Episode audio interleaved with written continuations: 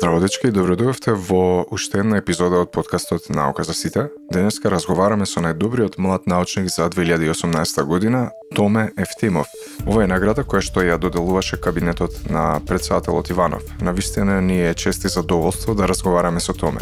Инаку Томе има завршено на факултетот за електротехника и информациски технологии при Универзитетот Свети Кирил и Методи, има магистрирано на истиот и е добитник на повеќе награди и стипендии во областа на електротехниката и информацијските технологии.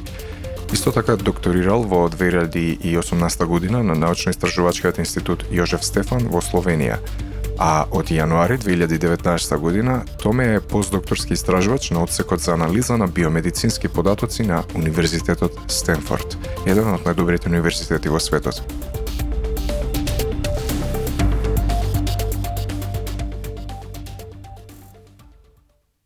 Здраво Томе, Атанас тука од Наука за сите и навистина ти благодарам што одвои време да учествуваш во оваа епизода од нашиот подкаст со истото име нели Наука за сите подкаст. И денеска поводот за разговор со тебе е доделувањето на признанието најдобар најдобар млад научник за 2018 година од страна на председателот Ифанов И наистина прво честитам за тоа. Еве првично да ни се представиш, да ни кажеш кој си, што си, како стигна до оваа престижна награда. Здраво Атанас, најпрво ти благодарам за поканата за ова за, за подкаст за наука за сите. моето име е Томе Евтимов. искрено, посебно чест и задоволство е да се добие признанието за најдобар млад научник на од председателот на државата. А, она што сакам да го кажам, каде а, почнуваат моите а, почетоци, а, завршив а, на факултетот за електротехника и информатски технологии во Скопје во 2011 година, а, настока информатика и компјутерско инженерство. А, понатаму а, се запишав на магистерски студии на факултетот за информатички науки и компјутерски инженерство Финки. А, меѓутоа истовремено а, првава година додека бев на магистерски работев како асистент а, демонстратор на факултетот за електротехника и информациски технологии во Скопје, а, каде бев задолжен за аудиториски и лабораториски вежби а, по предметите веројатност и статистика, а, математика 1, математика 2, дискретна математика, нумерички методи и статистичка обработка за податоци. А, вторава година од мојиве магистерски, бидејќи она што посебно ме прави среќен а, е да бидам а, дел од наука и истражување се префрли во Македонската академија за науки и уметности во лабораторијата на академик професор доктор Лјупчо Коцарев, каде мислам дека моите најголеми истражувачки способности ги научив токму од него. она што таму работев две години на проект кој беше за некохерентна комуникација заедно со професорот Зоран Утковски и работев две години, а меѓутоа понатаму дојде време кога сакав да се запишам на докторски студии, размислував каде да го продолжам моето образование, потоа се решив дека она што е најдобро за еден млад истражувач е да ги промени сите средини, без разлика на култури и обштествени вредности, бидејќи на тој начин најдобро се расте за таа цел а, решив да го продолжам моето образование надвор од нашава а, држава и се запишав на докторски студии на Институтот Јожеф Стефан а, во Лјубљана во Словенија.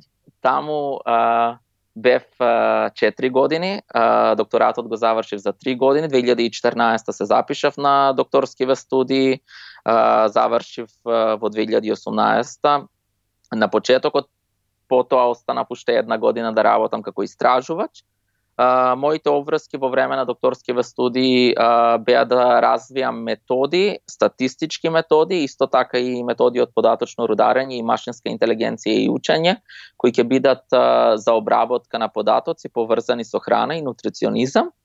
А, искрено, а, најпрво сите оние кои ме познаваат мислат дека јас сум а, имам завршена математика, а, има, но не, имам завршена математика, А, и а, секогаш кога работев, бидејќи паралелно со на мојата докторска теза, работев исто и на споредба на стохас... методи кои можат да се користат за споредба на стохастички оптимизацијски алгоритми, а, кои претежно се а, математички методи. Е сега кога ме прашуваат кога ќе направам споредба меѓу овие две области, зборев дека секогаш повеќе го сакам она што е а, математика, ова што е стохастички оптимизацијски алгоритми. А, меѓутоа со моето доаѓање на постдокторски студии на Стенфорд, а, сватив дека сум направил една голема работа а, во а, областа на вештачка интелигенција и податоци за храна бидејќи дури сега тоа, ова сето останато што го работеше до тој момент го работеше од од друг друга перспектива, од друг контекст, но свати дека истите тие методологии а, кои што ги користеш и оптимизација алгоритми можеш да ги користиш и во полето на вештачката интелигенција, така? Да, да, сето ова доаѓа како дел, тоа е како а, посебен дел од вештачкава интелигенција стокастички оптимизацијски алгоритми, машинска интелигенција и учење. Меѓутоа, А, она што е интересно, кога дојдов овде, дека се работи многу. А, претежно а, денес сме а, се наоѓаме во време кога big data се истражува и претежно се тоа е поврзано на податоци за здравје. Ај вака можеш да објасниш што е big big data за нашите слушатели? О, а, ова е а, big data би било луѓето мислат дека станува збор само за огромен, огромно количество податоци, меѓутоа не станува збор само за огромно количество податоци, истовремено представува а, податоци кои можат многу брзо многу брзо да се менуваат и истовремено податоци кои можат да бидат најразлични.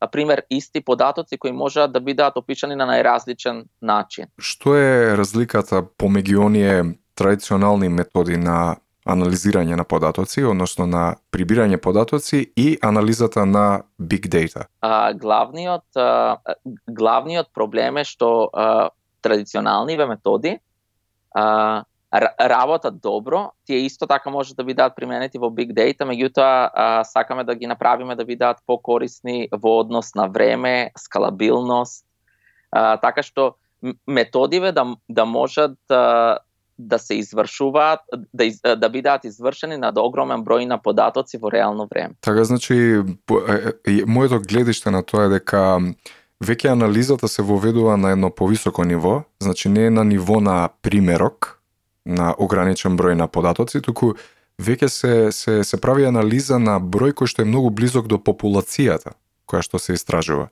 Така што тоа на некој начин ни дава многу поширок обсек на, на, на информација во однос на проблемот кој што го истражуваме. Има смисла или? А, се согласувам, не знам колку ќе биде возможно да одиме толку близко до популацијата, меѓутоа да. А кога игра, кога имаме огромен број на податоци, кога имаме огромен број на податоци пред се можеме да кажеме дека а, самото знаење што ќе го научиме од податоците ќе биде многу повеќе порелевантно за разлика од кога анализираме мал пример. Така, многу по, повеќе подкрепено или односно да. нашиот сомнеш во нашиот заклучок информацијата ќе биде многу помал. Значи можноста да. за грешка ќе биде многу помалечка во тој случај. Да. Така ние одма скокнавме за да разговараме за научни теми, ама ајде вака да да да одиме дел по дел, нели? Ајде прво за за поводов за за кој што почнавме да разговараме. Ам, на вебсајтот на председателот вели дека постојат некои така основни критериуми за доделување на оваа награда. Прво вели дека кандидатот, тоест лицето мора да биде до 30 години. Најверојатно тоа е според нив дефиниција за младост. Е, за млад научник, нели? Да. А, и постојат уште некои три други критериуми. Прво вели дека кандидатите потребно е да достават доказ за исполнување на еден или повеќе до од долу наведените услови. И сега вели награда или признание за научно-истражувачка работа. Тоа е првиот услов. Која награда и кое признание го поднесе ти како кандидат? Кажи нешто повеќе за тоа. А, во однос на награда и признание, а, а, мислам, нема поднесено некоја посебна награда, меѓутоа поднесов се што имам направено до моите 30 години. А, дека кога станува збор за признание, а, станува збор и а, за сите а, за сите како да кажам да не звучи лошо титули, ампак но за сите постигнувања. За сите, етапи, за сите постигнувања, так, да. Так, так. А, е, да, признание сега... е прилично флексибилен збор, значи не е формален збор Да. у смисла треба некоја институција да ти даде, туку ете да да да, да постигнеш некакво влијание, некаков импакт да имаш во во Да. твоето поле. Е сега, што имав јас направено до моите 30 години, а, најмногу се фокусирам на тоа што го направив во моите докторски студии. А, од магистерскиве студии исто така можам да одвојам дека имав а, прилично и многу сум горд на два а, труда кои беа објавени во списание со високи импакт фактори. А, понатаму во моите докторски студии а, објавив а, три а, научни труда во списанија со високи импакт фактори. Еден од нив беше објавен во топ 5% рангирани компјутерски списанија во светот. А, истиот беше одбран како еден од 10 а, најдобри труда со најиновативна и најнова идеја, а, кои се поврзани со оптимиз- така. оптимизацијски алгоритми. А, и истиот а, труд беше поканет како покането предавање на најголемата светска конференција која е за оптимизацијски алгоритми ГЕКО. А, во 2018 истава беше во Киото во Јапонија. А, исто така бев дел од а, не можам сега да се сетам меѓутоа 4 или 5 а, европски проекти а, водев а, многу голем број а, работилници, а, кога имавме состаноци за овие европски проекти. А, имам учество на не знам, можам да кажам огромен број на конференции кои беа ширум светот, а, почнувајќи од Индија, па завршувајќи до Хонолулу, Хаваи, а, така да. И се тоа по 30 години. Да. Да, 30. Јасно, јасно.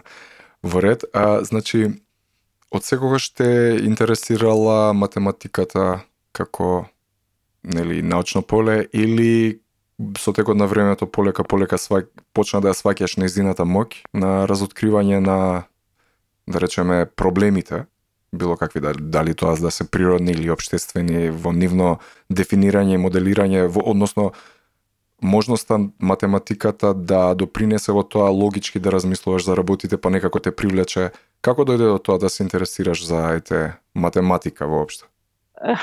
да видам искрен, може тоа е и најлесно прашање денес во подкастот. А, Моја, моја, мојата мајка е физичар А, така. и, и мојата да, а, и, и мојата прва желба всушност не беше математика, ама а, а, мислам тоа што сакав на почетокот да го студирам е физика.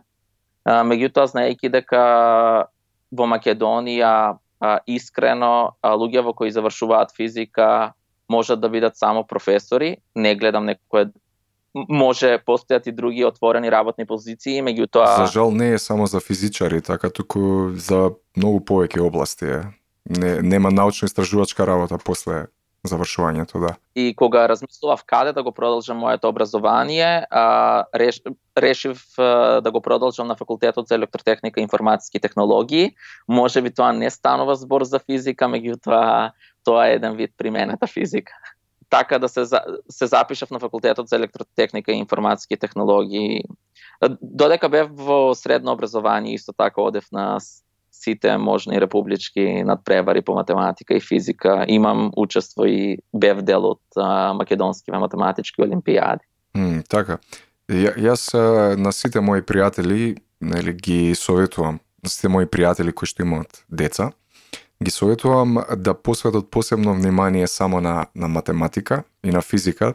Значи, ако добро се подковуваат во тие две области, можат буквално тие деца кои ќе пораснат да запишат било каков факултет. Значи, може да од да преминат во биологија, може да преминат во хемија, може да пре, може да сликаат ако сакаат после тоа. Значи, нема потреба од од учење на на други теоретски проблематики ако си добро подкопан во овие две области. Прочем, нели светот денеска оди повеќе во насока на а, анализа на, на на дигитален свет, во во насока на компјутеризација. Прочем и нели Нобеловите награди се почесто и почесто се а, добиваат за работа во компјутерски симулации и така натаму, како што беше на пример во 2016 нели за за интеракција на молекули, компјутерски модели за интеракција на молекули и така натаму. Така што Тоа е ја моја препорака е тоа, да се учи математика и физика. Се служуваш со тоа? Се се согласувам 100% со твоето размислување. Кажи ми откако дипломираше на електро, подоцна запиша следно беше магистерски студии во Словенија на Институтот за компјутерски науки или? Не, магистарски студии запишав на факултетот за информатски науки и компјутерско инженерство во Македонија. А, тука кај нас на Кирил Методи, значи докторатот го правеше во Словенија. Да. А, да. така, така. И кажи ми, магис, магистерскиот труд во која насока те однесе? А, магистерскиот труд беше а, примена на теорија на случајни матрици а, во анализа на бежични комуникацијски мрежи Што а, на македонски јазик што значи тоа? а, тоа беше а, да, а, некохерентна комуникација. Кога станува збор а, имаме приемници, имаме а, оние кои испраќаат информација, од друга страна ги имаме оние кои ја примаат информацијата.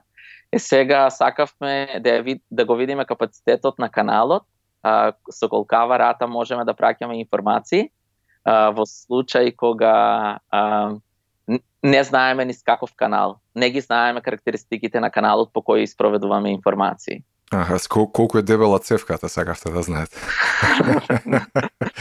дали, дали правевте истражувања во таа насока или градевте повеќе теоретски модели? А, по, а, истражувањето беше сведено на а, Мислам на експерименти модели. повеќе или повеќе на Не, теоретски а, експерименти модели? не, а, претежно беше сведено на теоретски модели, а, добивање на а, равенки, а, математички равенки, кои потоа за да бидат потврдени, а, моравме да користиме компјутерски симулации. Фино. И како дојде до тоа подоцна да продолжиш на докторски студии во Словенија на институтот и како беше Јожев Стефан. Јожев Стефан, така тоа е институт за компјутерски науки?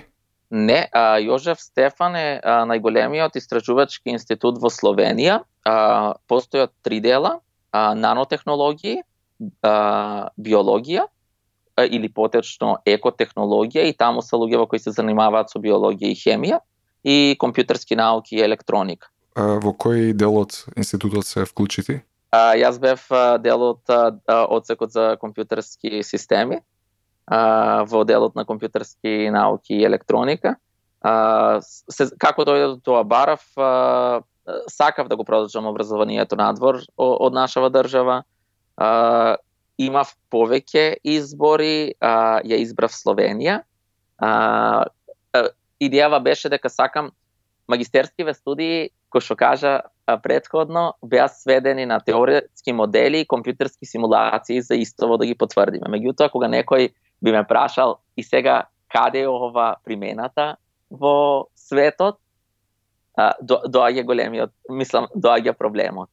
Матем, а, математиката е точна, меѓутоа она што е а, импакт а, до обштеството, се уште не може да се види. Може ќе биде за 10 години или за 20, меѓутоа се уште е сведено на теоретски модели.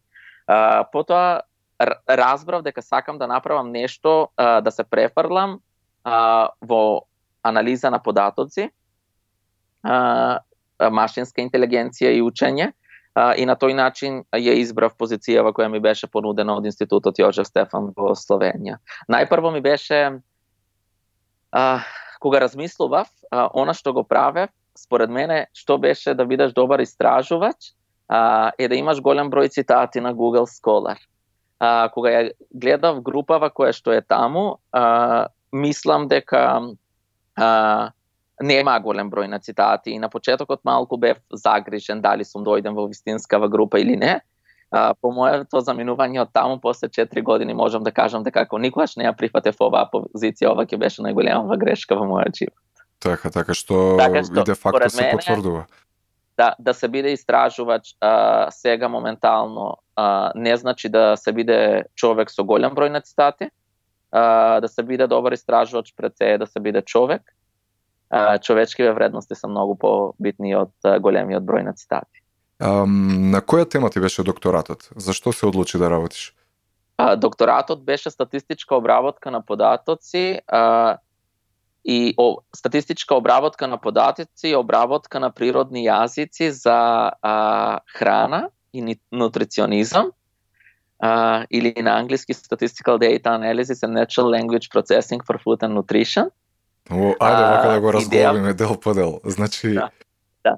Идејава беше а, најпрво а, се најпрво а, постои дел сите овие податоци кои ги добиваме за нутриционизам, за храна се направени во некои лаборатории. Овие а, податоци се анализираат со помош на статистички методи, каде луѓето во најголем број а, ги опишуваат податоците со некои дескриптивни статистики преку а, аритметичка средина, средна вредност, а, девијација и медијана. А, меѓутоа, она што го а, забележавме е дека а, во голем број случаи кога се прават овие анализи, а, иако тоа станува збор, пример, кога ја користиме среднава вредност како непристрасен оценувач за податоциве, а, забележавме дека ова многу може да влијае на крајниот резултат. А, за таа цел развивме еден нов метод а, кој го нарекуваме Deep Statistical Comparison, бидејќи сега се наоѓаме во времето кога deep learn, сите зборуваат за deep learning и доколку го имаш зборче во deep во насловот, а, да, значи зборуваш на вистинската тема, да станува збор за вистинскава тема, меѓутоа кај нас всушност ова Deep Statistical Comparison доаѓаше од тоа што а, не ги споредувавме податоците врз основа на средна вредност или медијана, користејќи само една дескриптивна статистика, меѓутоа ги а, правевме споредба земајќи во предвид а, дистрибуцијата на податоците. А, на тој начин а, резултативе од анализа кои се прават во самите лаборатории може да бидат многу поробусни на аутлаери доколку постојат во самите податоци и самите резултати кои ќе бидат воидни на напишани во самите труда, објавени труда, ќе бидат многу порелевантни. Така, тоа, тоа е вечната борба нели во науката околу статистичката инференца на податоците и влијанието на outliers. Outliers не знам како би било на македонски. Тоа се поединечни, индивидуални податоци кои што се прилично далеку од средната вредност на примерокот кој што го земаме и кој што а, има силно влијание врз а, просекот, значи врз средната вредност на тој примерок, а, за да а, за да илустрираме нели како би било да речеме ако имаме еден сет од 1 3 и 5 Купниот збир е 9, така? И ако се подели на 3, добиваме средна вредност 3. А ако имаме и друг сет кој што е 1, 1 и 7, значи средната вредност просекот повторно 3, но гледаме дека имаме две единици и една вредност која што е седмица, која што силно влијае на повлекување на просекот кон повисока вредност иако нели имаме две единици и една седмица, сепак е средината три, која што повторно нели и сакам да кажам дека и во двата при, примера средната вредност е иста, но дистрибуцијата на податоци е прилично различна и ни дава многу поинаква слика за, за самата популација. Она што сага во текот на размислувањето да те прашам, зошто, што мислиш, зошто, барем тоа е мој впечаток, Зошто генерално луѓето имаат проблем со статистика и со статистичко размислување и со логиката внатре во, во статистиката? А, според а, моето видување е кога станува збор за статистика е дека луѓето мислат дека статистика е наука која представува само дескриптивна статистика, средна вредност, медијана и стандардна девијација. Статистика е наука која е многу повеќе од овие а, три можам да кажам статистики, дека всушност средната вредност е еден вид статистика. А, и размислувањето, кога збориме, пример, тоа е, тоа е моето видување. Пример, луѓе кои работат во најразлични области, а, ги прават овие резултати не сакам да издвојувам некои области, меѓутоа пример сега имам контакти со голем број на луѓе кои работат биологија, хемија, исто така податоци на здравје.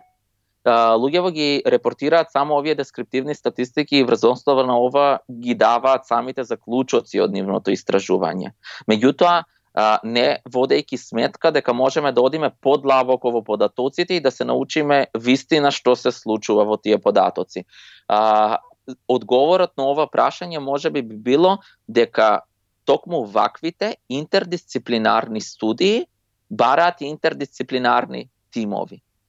А, при, а, пример, јас не можам да ги направам експериментите во лабораторија кои се поврзани со хемија и биологија, меѓутоа можам да им помогнам во самата обработка на податоци, со цел да, до, да добиеме а, подобри резултати. Да, впрочем и генерално сите научни полиња веќе имаат еден добар фонд, едно добро тело на податоци во однос на, на факти за одреден феномен, нели? Да речеме, да речеме концентрацијата на одредена хемиска субстанца изнесува толку во одредена клетка. Еве, X, така и тоа, тоа го знаеме како факт. Значи, историски биологијата и хемијата нели работеле на тоа да создадат факти за природата, но но тоа е само обсервација.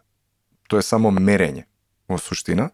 И сега имаме многу голем број на податоци кои што треба да ги сортираме, да ги класифицираме, да ги поврземе едни со други и преку овие методи кои што нели и ти работиш во моментов, да да да извлечеме заклучок погенерален во однос на феноменологијата со која што се занимаваме. Значи не е доволно само да се знае фактот дека не знам концентрацијата на таа хемиска субстанца изнесува толку, туку потребно е да знаеме што значи тоа во еден поширок смисол на, на, на, на, на природата, во, во, во еден еколошки, во еден, во еден смисол на екосистем. Така што, што мислиш, се сложуваш со, со таа теза? А, да, се согласувам со тебе а, и исто така мислам дека многу е важно кога се анализираат податоциве а, да знаеме дали всушност нашиве податоци се релевантни за да го а, истражуваме прашањето, хипотезава што сакаме да ја потврдиме или да ја отфрлиме. Бидејќи не а, според мене, имајќи податоци, не значи дека податоците се добри за истражување на секоја можно. Дека се релевантни за секоја можна за, хипотеза. За хипотезата, да. така, да, да, да, да. да. Кога те прашав за статистика, повеќе мисле во однос на луѓето повеќе немаат толку проблем со математичкиот аспект на статистиката. Јас сметам дека статистиката е различна дисциплина од математиката, иако математичарите не би се сложиле со тоа. Тие сметат дека тоа е применета математика, но до, до, доаѓајќи од повеќе од експериментален бекграунд, барем во мојот случај, мислам дека статистиката е повеќе еден вид на епистемиолошка техника на, на, на препознавање на реалноста и од тој аспект не е алатките кои што ги користи секако дека се доаѓаат од математиката, но но начинот на размислување и логиката позади тоа а, сепак е ја, ја прави малку поразлична од математиката. И мислам дека луѓето во принцип имаат а, малку проблем во тој дел на на разбирањето на логичката позадина на сваќањето. Не, немаат интуиција во, во поглед на статистичките работи. Еве, на пример, да земеме стереотип. Стереотип по дефиниција за одредена популација, за одредена група е искажување на средната вредност на таа група. Например, да речеме, не знам, а, а, викинзите биле високи. Еве, тоа нека биде тој пример. Јасно, и се, тоа, ја, ја земаме средната висина на викинзите и го земаме како факт, како одлика за одредена популација. А, и најчесто така се зборува во тој контекст, нели, статистички, но многу ми на луѓе ќе речат, ама чекај, а, ја познавам еден викинг кој што е многу низок. И некако мислат дека доколку најдат еден, еден а, податок во тој датасет кој што одскокнува од средната вредност, мислат дека целата теза целата вистина за таа популација е невалидна. И мислам дека тука има прилично проблем во резонирањето за популацијата на викинзи. Што мислиш во однос на тоа? Не, а, интересно размислување. А, меѓутоа, а, се согласувам со тебе. Од математичка гледна страна, користењето на среднава вредност е точно, бидејќи станува збор за непристрасен оценувач кон даден непристрасен оценувач за некој параметар на популацијата. Меѓутоа, од друга страна, посебно денес, станува збор кога, кога работиме во машинска интелигенција и учење и обработка на податоци за здравје храна, се оди кон а, personalized nutrition, personalized а, medicine. Mm -hmm. Персонализирана медицина. Персонализирани, така, така, персонализирана така. медицина. Така што секој поединец е а, важен во популацијата. Моделот треба да работи за секој поединец. Не станува збор да работи во просек за популацијата да дава добри резултати, меѓутоа тоа треба да биде модел кој ќе може да работи за секој член на самава популација. Од друга страна, се согласувам за ова, тоа што кажа ако луѓето најдат еден кој не припаѓа и мислат дека не важи целава хипотеза, а, меѓутоа можам да кажам, може да, пример ако земеме дека податоците се нормално распределени, а, две, два, две различни популации. Може да имат иста средна вредност, меѓутоа а, стандардната девијација на самата распределба да биде чисто различна. Така, Ако да имат поголема варијанса или по... Варијанса, да, да. да. Ако луѓето прават споредба само по средната вредност, на тој начин овие две популации ќе бидат сосема исти, меѓутоа кога ќе видиме како податоците се распределени во самиот простор, станува збор за различна а, за, за, за различни популации. Така, се сложувам. Мислам дека проблемот е што во нашиот тек на, на образование, посебно кај нас во Македонија, многу малку се зборува на нели за статистиката како може би се зборува во во полињата кои што се блиски до тоа, сродните полиња, но кога станува збор за некој околни полиња од другите природни науки не се нели концентрираат толку на на на статистичките концепти Па дури мислам дека би требало да се почне со овие концепти и од основно училиште, средно и така натаму, затоа што се навистина корисни концепти за логично и правилно разбирање на, на проблемите, на, на феномените во природата. Не мислиш дека кај нас е малку премалку застапена статистиката? Да, се, се согласувам со тебе. А, мислам дека во средно, во четврта година, математичко образование, не сум а, сигурен, меѓутоа последната тема е статистика, меѓутоа во четврта година на крај. Да, дури на крај. А, мислам так. дека да, дури не знам ни дали има дали постои време истава тема да биде обработена. А, кога бев студент на факултетот за електротехника и информатски технологии, а, имавме два предобри предмети, веројатност и статистика и статистичка обработка на податоци, а, каде мо, а, не знам каква е програмата денес, бидејќи знам дека програмиве се менуваат од година на пет години, на една, на две години. А, меѓутоа, можам да кажам а, дека беа стварно предобри предмети. Ко што кажа предходно, може би е застапена во некои области, а, меѓутоа, според мене, бидејќи посебно денес во секоја област работиме со податоци, а, мислам дека о, ова треба да биде застапено во секоја област. А, без разлика, знам дека постои на економски факултет статистика, не сум запознаен што се учи таму, а меѓутоа ста, финансиски податоци, биолошки податоци, податоци за здравје, податоци за храна, мислам дека таа треба да биде застапена. Еве тоа нека биде наш заеднички апел, нели во иднина тие што ја креираат таа програма дури и за основци, дури и за средно, нели училиште, повеќе да вклучат статистика во нината програма. Е сега спомнавме еден битен концепт, спомнавме машинско учење. Може да ни објасни што представува тоа? А, машинска интелигенција и учење, а, мислам дека првото име а, е статистичко учење. бидејќи самите модели се базирани на а, концепти кои постојат во веројатност и статистика.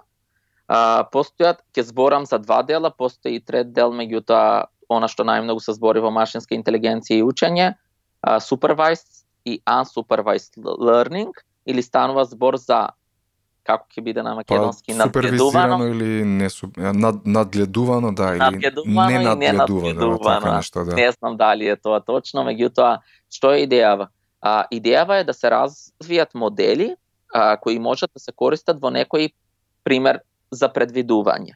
Кога станува збор за supervised learning, а, имаме податоци, инстанци, имаме некое податочно множество и проблемот кој сакаме да го предвидиме, а, имаме некоја таргет а, променлива.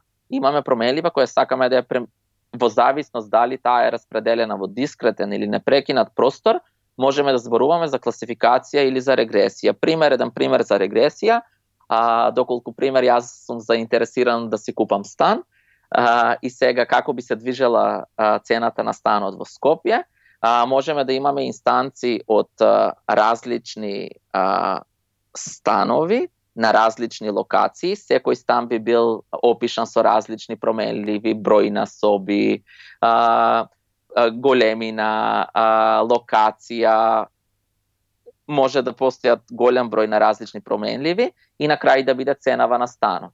Е сега во иднина, ако јас не ја знам ценава за некој стан, меѓутоа ги знам сите од овие а, променливи кои го опишуваат станот, можам да искорист, да, да научам модел користејќи ја податочно во множество и нивниве цени и потоа да го искористам овој модел за новиот стан да пресматам колку би била ценава. Тоа е еден ваков, мислам, најлесен пример кога станува спор за регресија и првиот првиот пример кој се е, објаснува кога станува збор за линарна регресија.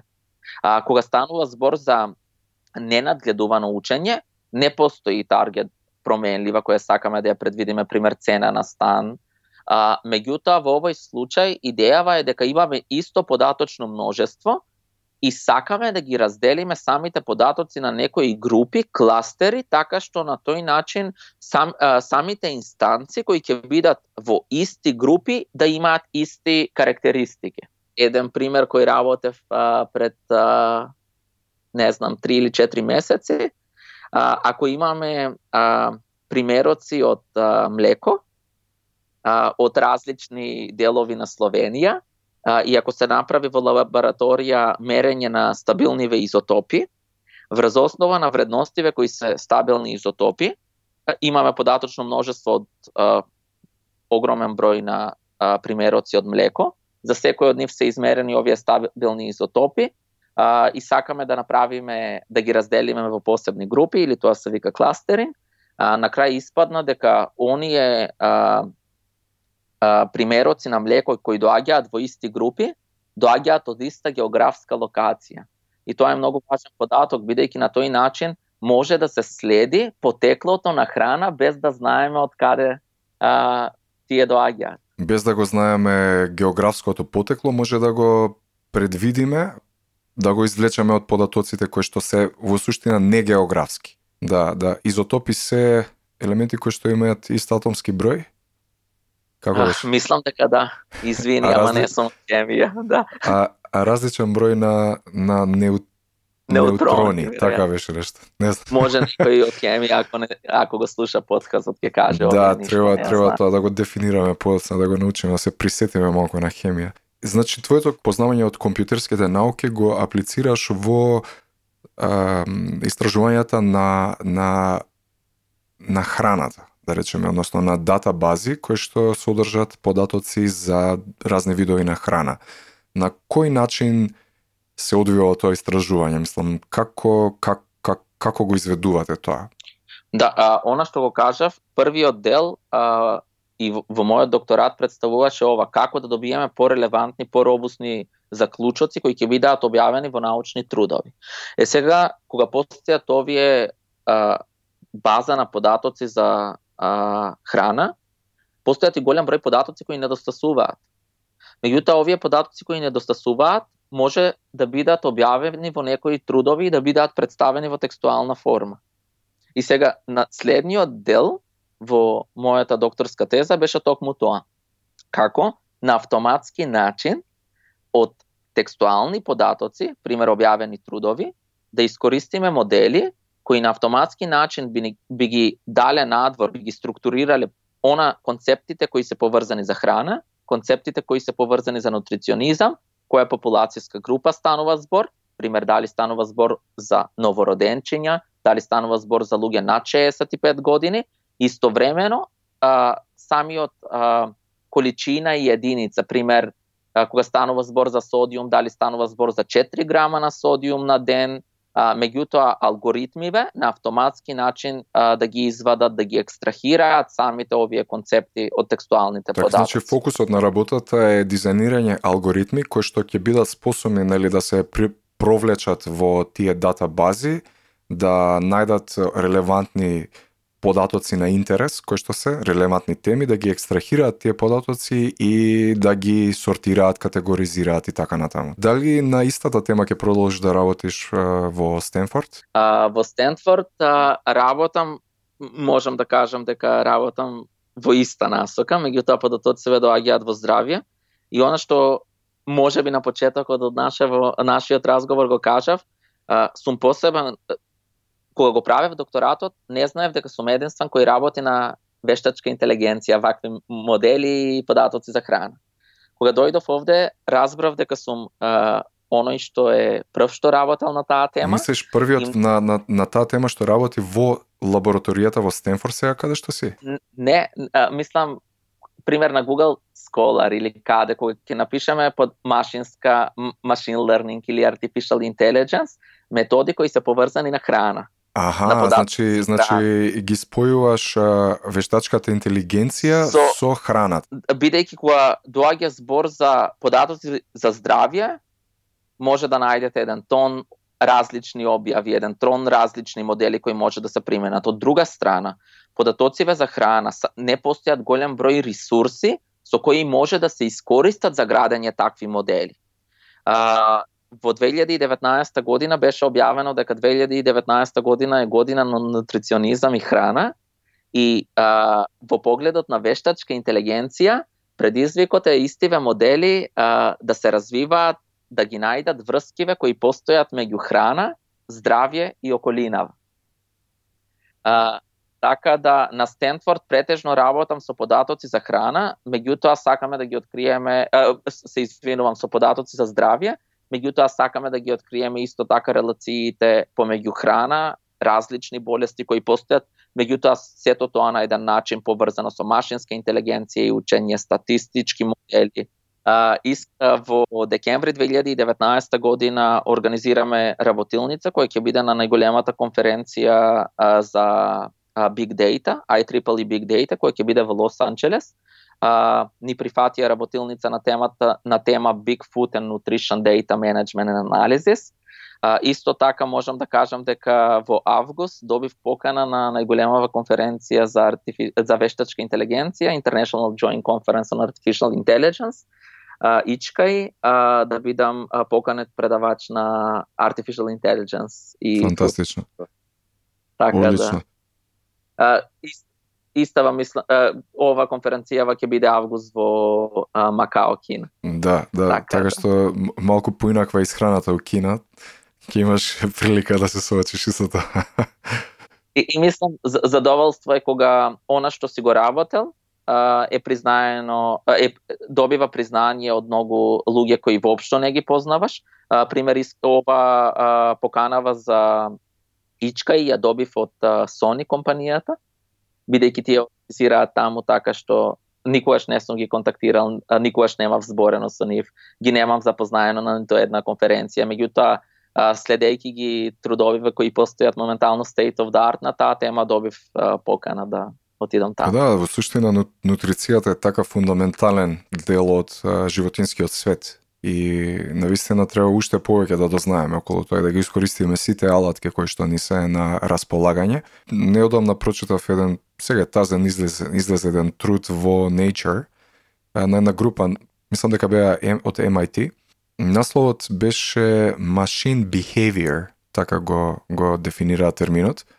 И во тој труд, значи, тезата на, на таа група на научници е дека веќе треба да почнеме да размислуваме во насока на однесување на машините, не само како досега во насока на а, градење математички модели, чисто на компјутацијски аспект, значи не само во насока на еден екосистем на а, живи органски суштества, туку во насока на еден екосистем кој што е комбинација помеѓу органски и силиконски суштества. Значи, веќе ние доаѓаме во, во ситуација каде што вештачката интелигенција и играите како улога во нашите животи, секојдневно се среќаваме со неа, сме во интеракција со вештачката интелигенција и тоа не става во еден поширок контекст, во еден поголем екосистем.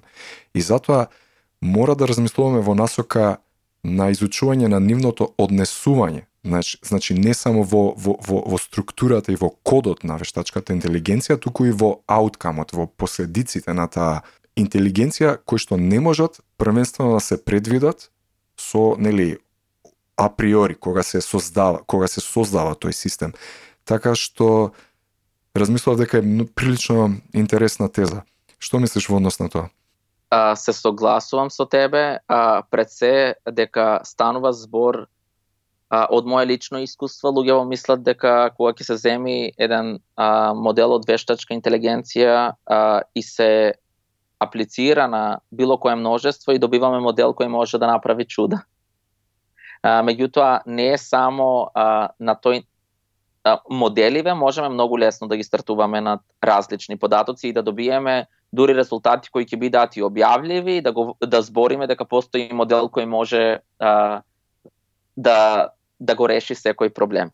Меѓутоа, она што е посебно интересно е дека пред се денес во 2019 година а, се почнува да се зборува за explainable artificial intelligence а, и станува збор не само имаме податоци, го земаме моделот и добиваме некој ауткам, меѓутоа можеме ли а, можеме а, сакаме да ги најдеме оние патенти как она размислување на самиот компјутер, на машинава, на алгоритмот кои не донесуваат до овој ауткам. Затоа што се уште сакаме е да разбереме зошто тоа бидејќи се уште зборуваме black box, да, се, се уште зборуваме дека станува збор за black box, а, идејава е дека не знаеме всушност што се случува внатре во самиот алгоритам. А, а знаеме како алгоритмот математички работи, меѓутоа на крај имаме податоци, имаме резултат, не можеме да кажеме врз основа кои карактеристики, кои атрибути од нашите податоци влијаат да дојдеме до самото решение. Самиот концепт на, на black box или црна кутија потекнува од ам, некаде од 60-тите, 50-тите, 60-тите години со развојот на когнитивните науки. А, до тогаш а, активно поле и state of the art поле било бихевиоризмот во психологијата, каде што научниците сметале дека она што е видливо Значи, она однесување кое што се гледа и кое што може да се мери е доволно за, за да се разбере феноменот на, на да речеме, на одреден организам. А, ако, а, ако, нек, ако некој, например, оди право и одлучи да сврти десно, значи доволно е тие две а, варијабли да ги земе во предбит. Значи, одење право и вртење десно. Но не се навлегува подлабоко во причината зошто некој одлучил да сврти десно, ајде, така да речеме да го поедноставниме примерот, и со тоа се раѓа идејата за црна кутија. Значи се наблюдува нешто, но не не знаеме зошто, која е причината зошто тоа се случило. Така што а, со развојот на когнитивните науки, нели се отвора полека полека мозокот, се развиваат методи на снимање на, на, на мозочните бранови, мозочната активност и полека таа црна кутија се открива. И дознаваме например, одредена акција, одредено однесување како е представено на мозочно ниво и тоа прилично многу открива за состојбата на нештата. Е сега, тој проблем во однос на, да речеме, когнитивната психологија, невронауката и така натаму, полека полека се намалува, значи несигурноста околу црните кути, но се зголемува во полето на вештачката интелигенција. Значи, постои една, еден нов а, бран, да речеме, на, на когнитивен на когнитивна наука, која што се развива, но, но, но овој пат субстратот не е биолошки, значи не е мозокот, туку субстратот е силиконот, тоест компјутерите. Така што компјутерите и машините веќе почнуваат да покажуваат одредени, да ајде да речеме под наводници, одредено однесување, но се уште не разбираме како доаѓа до истото, иако го знаеме кодот. Да, да, да. И кога станува збор за овие, мислам 2019 сите можни uh, calls for proposals Повици за проекти, за проекти да. uh, станува збор да, повик за проекти, uh, станува збор за explainable artificial intelligence. Uh, мислам дека не сум сигурен, но би си дозволил да кажам дека Франција а, мислам дека изабрани а, користење на алгоритми и методи, посебно поврзани во здравје, доколку не знаеме зошто доаѓа до самиот резултат на предвидувањето. Идејава е кога работи алгоритмот сакаме да знаеме кои се кои се оние можам да кажем карактеристики во податоциве кои влијаат алгоритмот да одлучи за некое предвидување. И може, мислам, разбирливо е каде се детектира таа потенцијална опасност, нели? Ако работите да излезат вон контрола, ако ако не ја разбираме од А до Ш, нели, вештачката интелигенција или кодот кој што стои позади неа и сите можни исходи ако не ги разбереме од тој код, тогаш постои можност за нели деструктивна вештачка интелигенција. Да. Или ова што го кажавме, не само деструктивна, ако не е се поврзано во кодот и математички веравенки во позадина, меѓутоа што ако нашиве податоци всушност не се за одговор на тоа прашање. Доаѓаме уште до фундаментално прашање дали имаме репрезентативен примерок за да искористиме некој модел да добиеме резултат. Бидејќи денес од мое видување можеме да искористиме да тренираме модел на секое податочно множество, ќе добиеме резултати, меѓутоа колку нашето податочно множество е репрезентативно реалниот за проблем да го да, дадеме да, да, да, така, да. така. А, како само не те прашав како е името на лабораторијата и под кој кој е професорот кој што е главен и одговорен истражувач? Да, а, овде сум на Stanford Medicine, Department of Biomedical Data Science. А, оној што е одговорен на нашава група е Марк Кулен. А, не е професор од компјутерски науки, а, меѓутоа станува збор за интердисциплинарен одсек, а, Department of Biomedical Data Science а, со голем број на професори, голем број на постдокторски истражувачи, PhD студенти, мастер така, кога започна оваа година, тази си заминат? Да, јануари, да, јануари 2019 а, почнав на постдокторска. Предпоставувам постдокот за сега ти трае некаде 3-4 години или? Не. А, искрено, овде постдокот е вака една година, а, ако сак, потоа до, добиваш можност за продолжување за уште една, па за ако сакаш уште една, па за уште една, па за уште една. А, меѓутоа, а, никогаш не треба да забораваме дека а, се наоѓаме во Силиконскава долина, каде што не само Стенфорд, се Google, Facebook, Instagram и постојат еден да огромен број на истражувачки капацитети.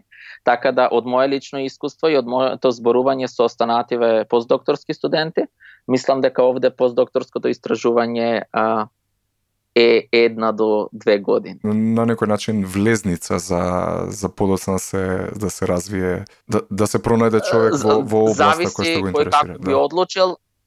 Да, да. Кои се твоите планови? Што што планираш понатак? Тоа е тешко прашање, меѓутоа, јас сум сигурен дека по завршувањето на моите постдокторски студии јас би се вратил во Европа.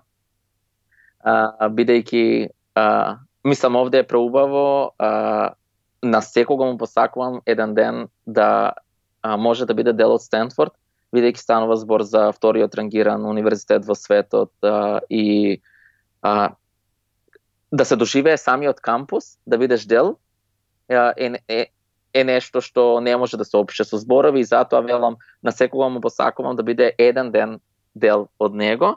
А, меѓутоа, а, себе си се гледам пред се во Европа, не во Америка. Um, има мислење дека во науката тешко се наоѓа работа или дека тешко се постигнуваат резултати, но мислам дека не е баш до толку, не, не е толку страшно колку што изгледа.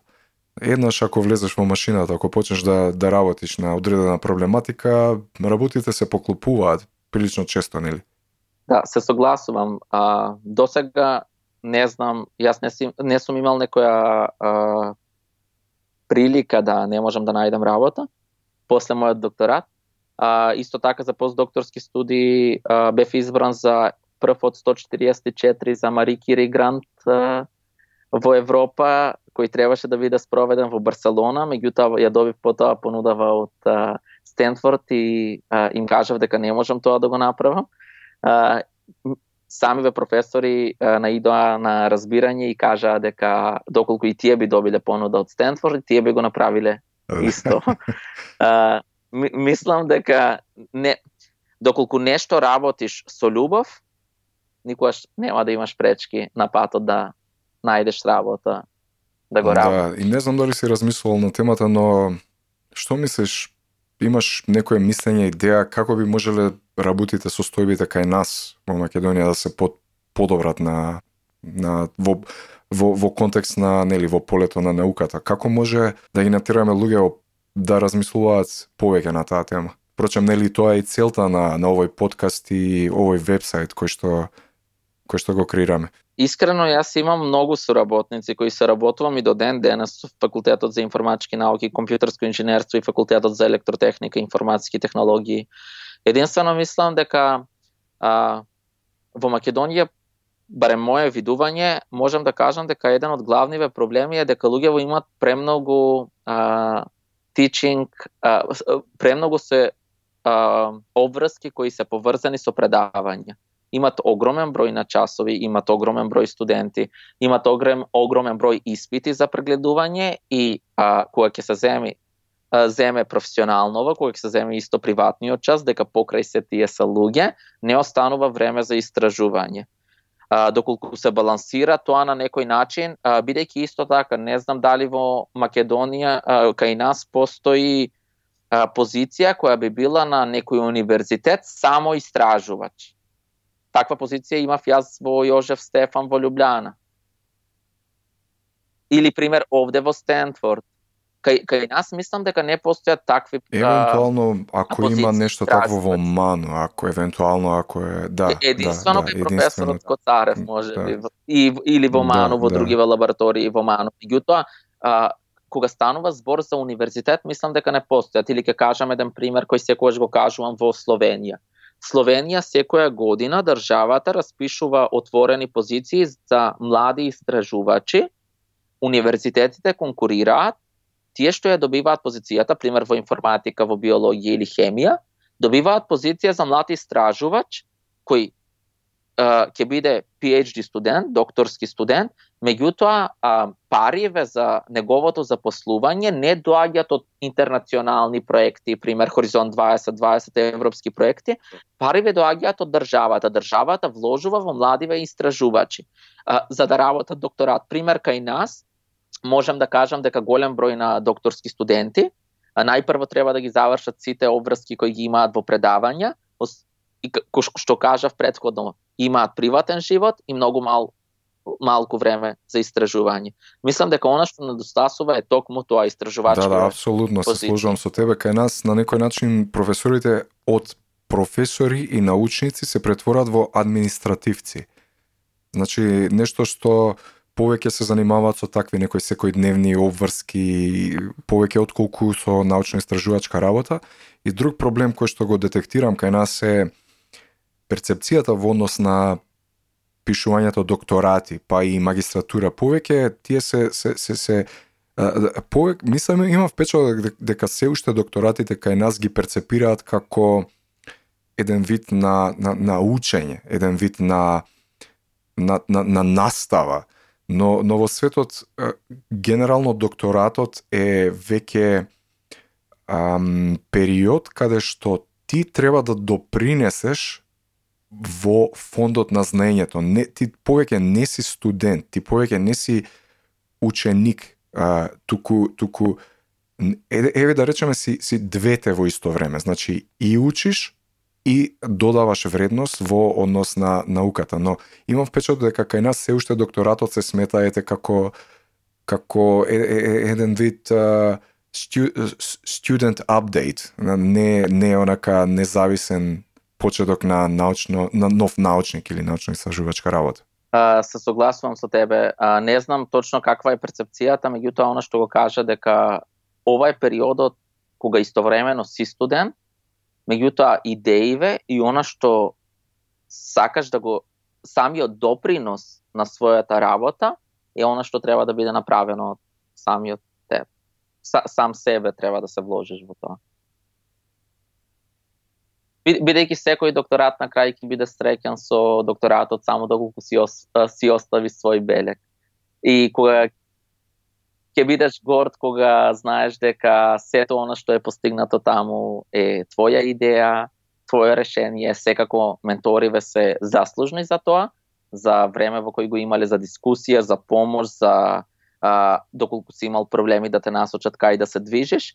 Меѓутоа тоа мислам дека тоа е процес од кога ти раст, растеш, се развиваш, се запознаваш сам себе и на ист начин допринесуваш на крај за да биде да. среќа. И ако порано, например, било тешко да се има пристап до одредени бази на податоци или до одреден фонд на знаење, денеска со помош на интернетот, тоа веќе не е голем проблем, а, дури финансиите, нели нај најчестиот, најомилениот изговор на сите, нели нема пари, веќе не е така драстично проблематичен затоа што постојат милиарда нели алатки open source софтвери и чуда кои што може да се искористат доволно ти е да еве барем во компјутерското поле, во компјутерските науки, доволно ти да имаш еден окей компјутер и едноставно желба, интерес и, и време да посветиш и имаш, мислам, алатки кои што порано биле незамисливи за, за истражувачите. Можеш да, да компилираш, не знам, тренувајќи од R, како нели софтвер за статистички пресметки, па се до, не знам, милиарда други алатки кои што може да се искориста за истражување. Сакам да кажам дека секој дури и од дома, нели оној концепт на citizen scientist или или граѓанин научник може да доколку има време и желба може да го да го нели испромовира и да го живее и да да истражува самиот по себе. Не, а, јас секогаш велам дека најпрво е да се има желба, доколку се има желба понатаму се, се е возможно да се направи. А, се согласувам тоа што кажа дека денес постојат огромен број на бази на податоци, огромен пристап на податоци, доколку и некои податоци не се отворени, со контактирање на самиве автори би верувам од мое лично искуство дека би, би, би дозволиле пристап до истиве, доколку станува збор за некоја идеја а, која би била интересна за истражување. А, е сега секој може да стартува модели на своите компјутери, за некои модели, на жалост, а, под, а, под, а, на жалост а, имаме потреба од а, поголема процесирачка мок, меѓутоа се согласувам. Пред се да се има желба, кога се има желба и не постојат, мислам, препреки кои може да да те натерат а, да не се реализира. Јас секогаш велам, никогаш не замислував дека ќе бидам дел од Стенфорд, никогаш не замислував дека ќе запишам на докторски студии. Мојата единствена желба беше кога се запишав на факултетот за електротехника и информатски технологии, а, да го завршам факултетот, па макар и со шески, сите шески, меѓутоа да го завршам факултетот на време. Меѓутоа така се одвиваат работите и секогаш а, треба да се верува во своите соништа.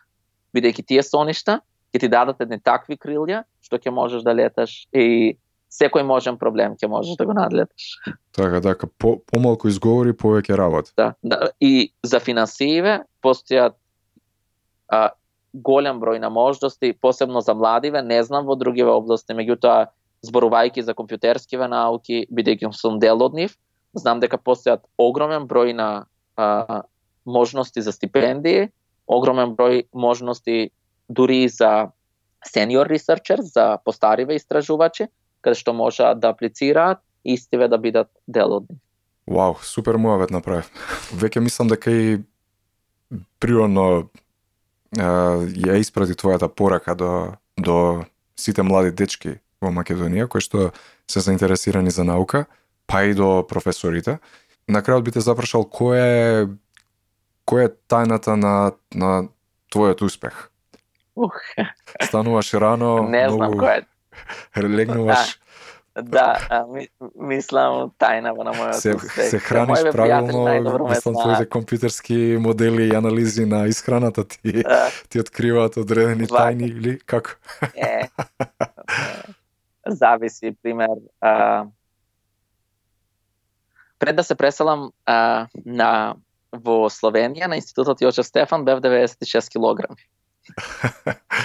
Uh, кога се преселив таму, кога почнав да работам со податоци на храна и нутриционизам, и ден денес не ги разбирам податоци, бидејќи мојава работа е да направам модел да ги анализирам, да ги анализирам, разбирам помалку што како е, uh, меѓутоа можам гордо да кажам дека успеав да симнам 26 килограми. и сега сум 70. а, она што го правам секој ден, не знам, станувам во 5 часот а, наутро, а, таков сум по природа, а пред работа секогаш одам а, вежбам во теретана. А, во овие а, последниве три години а, успеав да истрчам два полумаратони. Се надевам следниот ќе биде оваа година во Сан Франциско. А, за време на викенди ко сите други а, излегувам, меѓутоа нема некоја посебна тајна за успех. Она што го збораме само а, желбата и страста а, да се работи она што се сака. Без разлика дали станува за наука. Не зборам сега за наука. Она што го работиве, а, што, што се работи е да се работи со желба, љубов и страст, бидејќи само на тој начин никогаш не би се чувствувале кога И одиме на работа. дисциплина да се имате. Дисциплина е битно, да. Да, е па тоа е навистина, мислам, ово е прв пат јас и ти да разговараме и да го снимаме овој разговор нели за целите на подкастот, но чувствувам како да те знам долго време, така што навистина ми беше мило да разговарам со тебе. Одличен соговорник си и се надевам дека ќе останеме пријатели да се дружиме и понатака на било кој основ. И те повикувам, ако некогаш имаш време слободно, напиши нешто на НЗС, би ми ни било чест и драго да го објавиме и да продолжиме со соработката. Не, фала уште еднаш на поканата. А, што ме покани за интервјуто. Знам дека нема време, меѓутоа еве денес го реализиравме интервјуто. А, за а, а, она што нап, да напишам, можам да напишам нешто поврзано за статистикава, бидејќи тоа е најмногу што го сакам. А, и пред се, кога зборам за машинска интелигенција и учење, јас а, работам на ова, мислам, овие модели за екстрахирање на податоци, меѓутоа посебен фокус да го разберам зошто тоа е така, explainable а, и како да имам репрезентативен примерок пред да биде анализиран, а, би напишал само малку. 7 јуни летам за Нов Зеланд, дека сум организатор на една работилница, 15 сати имам во авион така да можам да Ете, одлично, се надам дека тоа ќе биде првата статија за наука за сите напишана во лет во авион. Да. Томе, ти посакувам убав ден. Веќе кај нас е вечер, кај тебе во Америка е А убава вечер, Да. да. веќе колку е, околу 9-10 часот 9, 9 и 30 наутро, така што пред тебе е денот, уживај го, ти благодарам за разговоров и се надевам повторно ќе се слушнеме. Да, Поздрав. ајде, убава вечер, ден. поздрав, чао, Поздрав. чао.